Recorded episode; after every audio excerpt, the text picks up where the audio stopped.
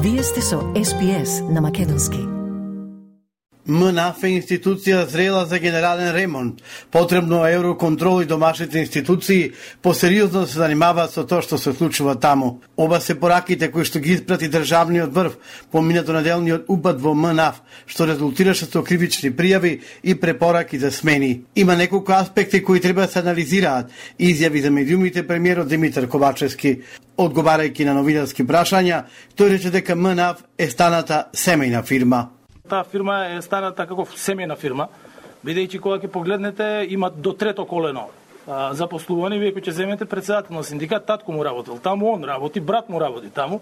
На крај тие станале како семејство во кое што имаат а, конфликти кои што обично се случуваат по дома кај луѓе, ме разбирате? Не знам, чи внуке 25 години е контролор на летење, така да Покрај повикот за меѓународните организации да го проверат работењето на МНАВ, владата даде инструкции со кои ќе треба да се изврши и контрола на работата и на институциите и на синдикатите. Александар Тасевски, председател на синдикатот на контролори на летање, вели дека контролите се стандардна процедура. Нека проверат се дали е регуларно, за да немаме случаи каде некој се вработува, за да не мора да доаѓа на работа и да не работи ништо, а да зема плата, изјави Тасевски за Канал 5. Нашиот став бил секој пат дека треба да се вработат професионалци и стручни лица кои што ќе покажат знаење. Дали тие некое колено нечиви, ничиви, тука воопшто не би требало да се навлегува во тоа, затоа што ако одредени лица покажале стручно знаење и квалитет и придонесувале низ годините, така да тука не гледаме што е спорно. Поголем проблем мислам дека се јавува кај сите ние лица кои што биле вработени по секаква од таква линија како што напоменува премиерот, меѓутоа прита биле вработени со тенденција дека не треба да на работа. За ново предложениот директор Хекуран Асани веќе кружат информации низ медиумите дека е далечна роднина на Али Ахмети, а движењето Беса објави дека биле и соседи. Цитирам, после скандалот на МНАФ, чиј извор беше изнуда преку партиски непотизам, криминалот продолжува на повисоко ниво. Новиот директор на МНАФ излезе дека е од Кичево и дека е комшија на Али Ахмети. Откако ги утеши своите деца, внуци и други, Ахмети за да има контрола на секоја институција, прво ни судовите и обвинителот од организиран криминал, постави блиски луѓе од неговото село и околината, а сега дури и сосед во МНАФ, велат од Беса. Евроамбасадорот Девид Гир го повтори ставот дека треба да има строга селекција при именувањето и вработувањето во вакви институции. Важно е назначувањето да се прават врз основа на заслуга. Тоа значи квалификација, вештини, искуства, неприпадност на партија или некои лични врски.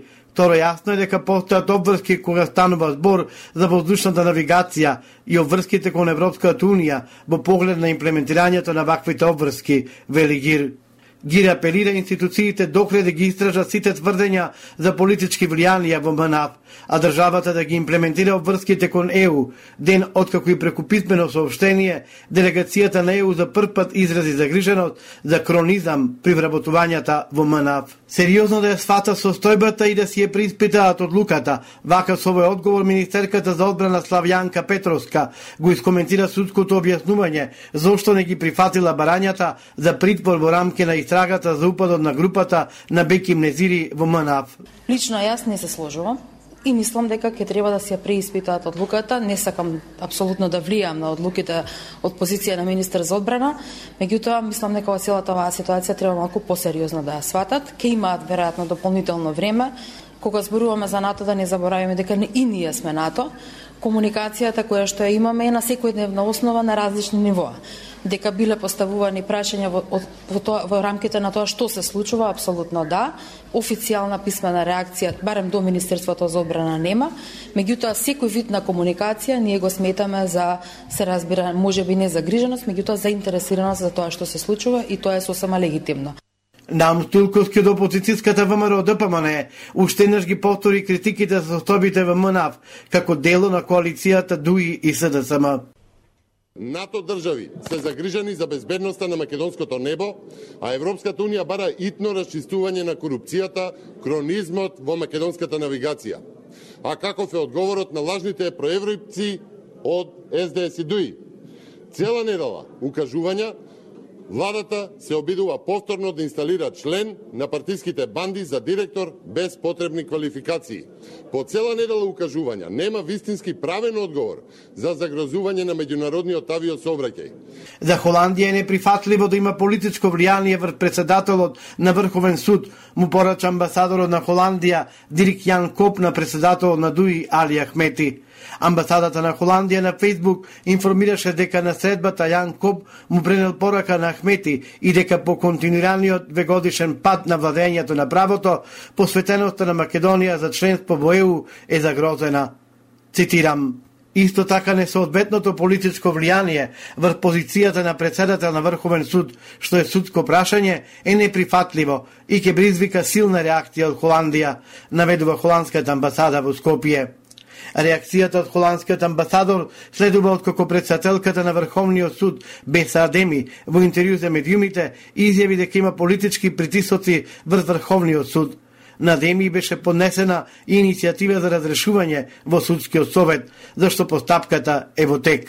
Председател Стево Пендаровски завчера во гостување на ТВ Сител рече дека на двајца министри им предложил со брза интервенција во законите за лични карти и за патни исправи рокот на издавање да може да се одложи до септември-октомври и за тоа да биде известена и Грција.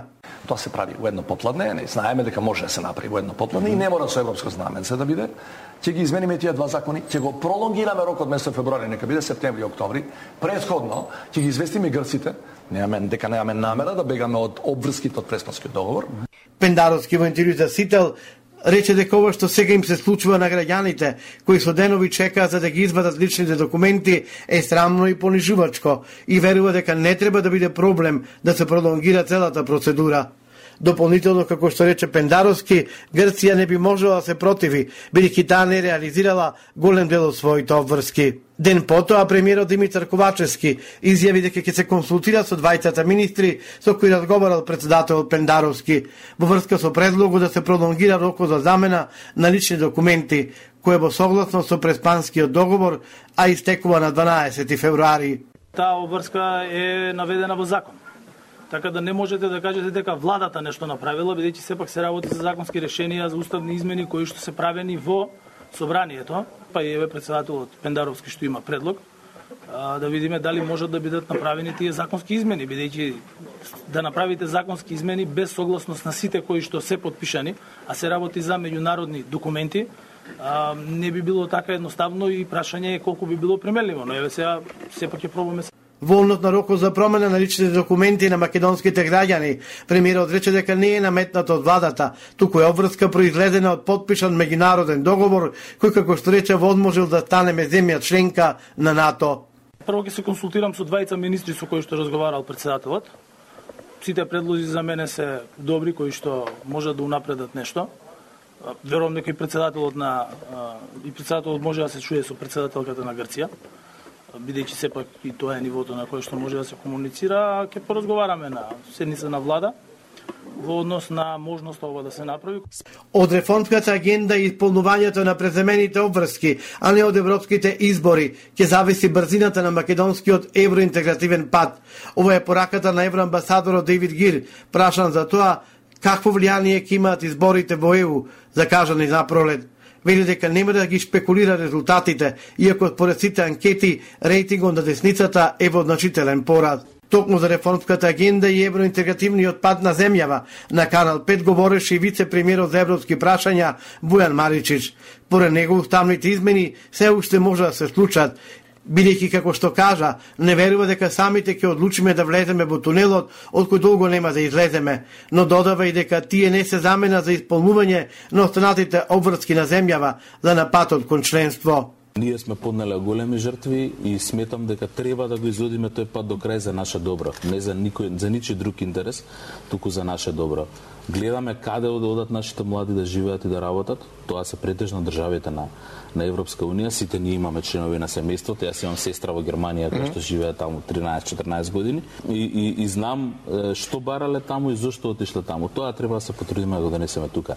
На последниот самит на ЕУ во декември беше потврдено дека Македонија по автоматизам ќе почне со отворање на преговарачките поглавја, откако ќе се направат уставните измени за внесување на бугарите. Собраниската седница почна на 18 август лани, но гласањето никогаш не беше закажано, бидејќи не се обезбеди потребното двотретинско мнозинство. Сакате ли да чуете повеќе прилози како овој? Слушате подкаст преку Apple Podcasts, Google Podcasts, Spotify или од каде и да ги добивате вашите подкасти.